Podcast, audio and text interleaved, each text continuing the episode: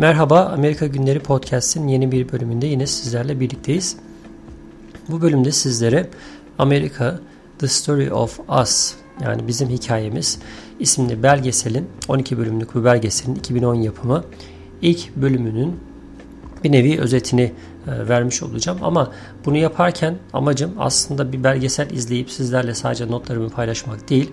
Aynı zamanda Amerika Birleşik Devletleri'nin tarihine dair özellikle insanlar arasında bilinen e, simge haline gelmiş işte kişiler, olaylar, mekanlardan yola çıkarak bir nevi Amerikan tarihini size özet şeklinde sunma düşüncem var. Bu anlamda merak edenler için tekrar söylüyorum belgeselin ismi Amerika The Story of Us aynı zamanda The Story of US olarak da biliniyor uluslararası planda.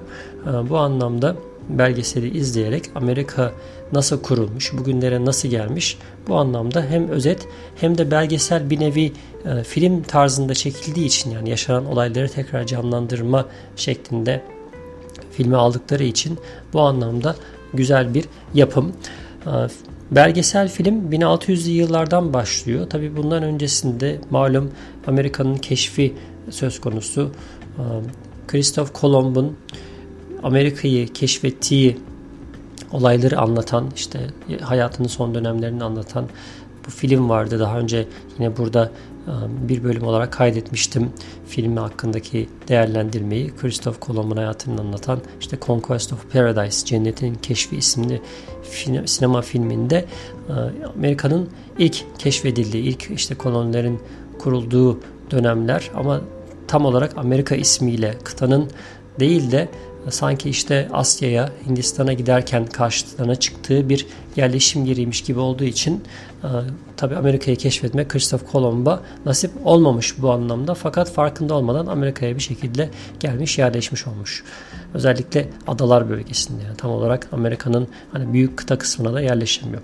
Evet gelelim biz America The Story of Us isimli belgeselin ilk bölümüne. İlk bölümün ismi Rebels yani Asiler ismini taşıyor. Bu bölümde Amerika'ya ilk yerleşen, gerçek anlamda kıtaya yerleşen e, İngiltere'den gelen göçmenlerin hayatı ve beraberinde işte İngiltere ile olan mücadele, bağımsızlık mücadelesinin ilk e, aşamaları e, gösteriliyor. Sene 1610 Mayıs ayında John Rolfe isimli bir İngiliz iki aydan fazla süren bir yolculuğa çıkarak Amerika kıtası, kıtasına ulaşıyor. Jamestown diye bilinen işte Virginia eyaletindeki bir bölgeye geliyor ve burada koloni kuruyor. Gerçekten hem zeki birisi hem de hırslı birisi. Bu anlamda ayakta kalabilmek için e, farklı mücadeleler veriyorlar. İster istemez hani e, doğal yaşamla veya işte yerlilerle de mücadele etmeleri gerekiyor. Uyanıklık yapıyor. Yerlilerin, Kızılderililerin liderinin kızıyla evleniyor. Hatta kızın ismi efsane oluyor. Pocahontas olarak biliyoruz biz. Ee, bu topraklarda tütün yetiştirmeye başlıyor. Tütün yetiştirince topraklar birden verimli hale geliyor. Ee, ister istemez insanlar bundan hem gelir elde ediyorlar. İşte ihracata başlıyorlar. O dönemlerde e, bir şekilde ticaret İspanya'nın tekelinde ama bunu kırarak bir şekilde farklı ülkelere ürün göndermeye başlıyor ve bu anlamda ciddi anlamda gelir kazanıyor.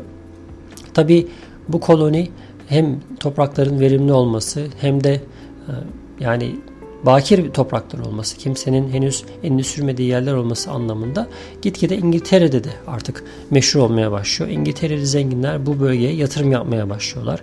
Hatta kısa bir süre sonra Afrika'dan ilk köleler de getirilmeye başlanıyor. 30 yıl sonra nüfusu 2000'e ulaşıyor bu koloninin. Ee, Tabi Amerika'ya gelenler sadece bunlar değil. Şimdi Amerika'ya gelme girişiminde bulunan farklı gruplar da var. Bunlardan bir tanesi de e, işte yine John Rolfe'un Amerika'ya gelişinden 10 sene sonra Edward Winslow'un başını çektiği bir grup. Bunlar dini inançlarını daha iyi yaşayabilmek için Amerika'ya gelmeyi düşünüyorlar. Aslında Hudson River civarına yani New York bölgesine doğru e, varmayı umarken o bölgeden hemen hemen 200 mil kadar daha kuzeyde bulunan şu an e, Massachusetts eyaletinin sınırları içerisinde bulunan Plymouth isimli bir bölgeye geliyorlar. E, ve bu gelenler e, Pilgrims adıyla anılıyor. Yani bir nevi hacı olarak adlandırılıyor. Şimdi bu bütün bu kullanacağım işte tabirlerin hep Amerikan tarihinde bir önemi var, bir anlamı var. Plymouth bu anlamda Jamestown'dan sonra gelinen ikinci yerleşim yeri.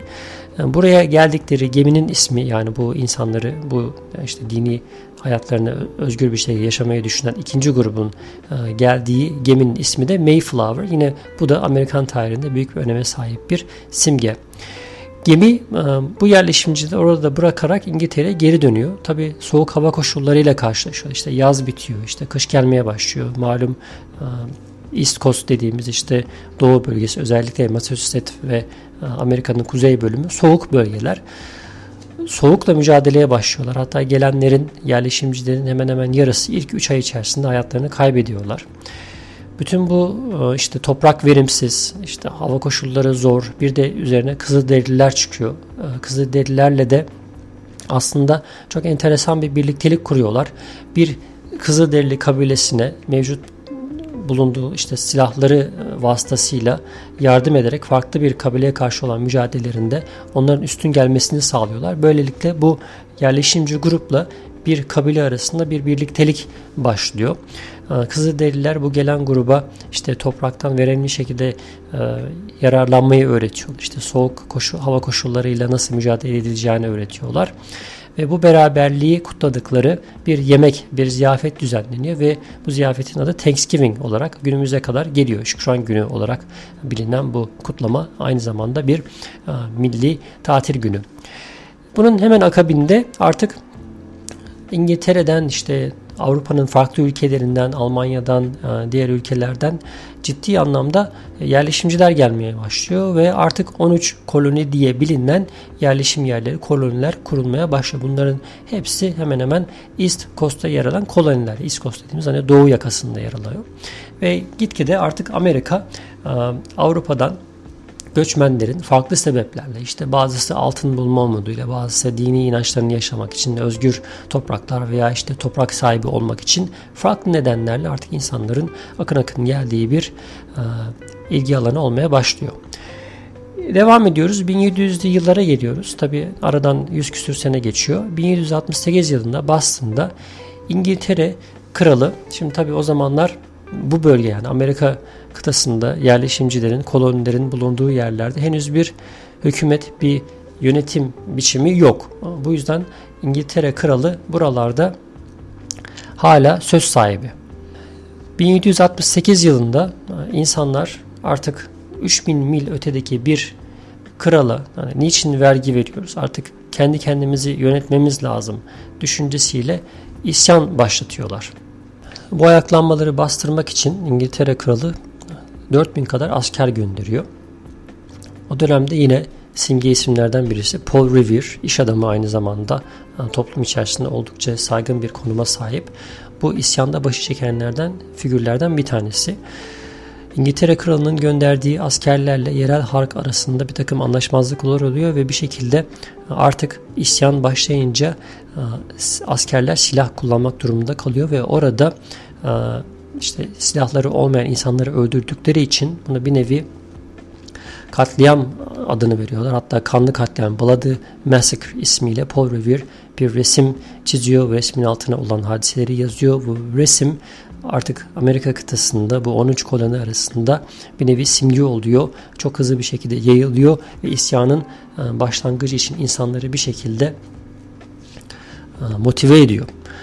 Tabi o dönemde yine gazeteler, medya bir şekilde e, artık gün yüzüne çıkmaya başlıyor.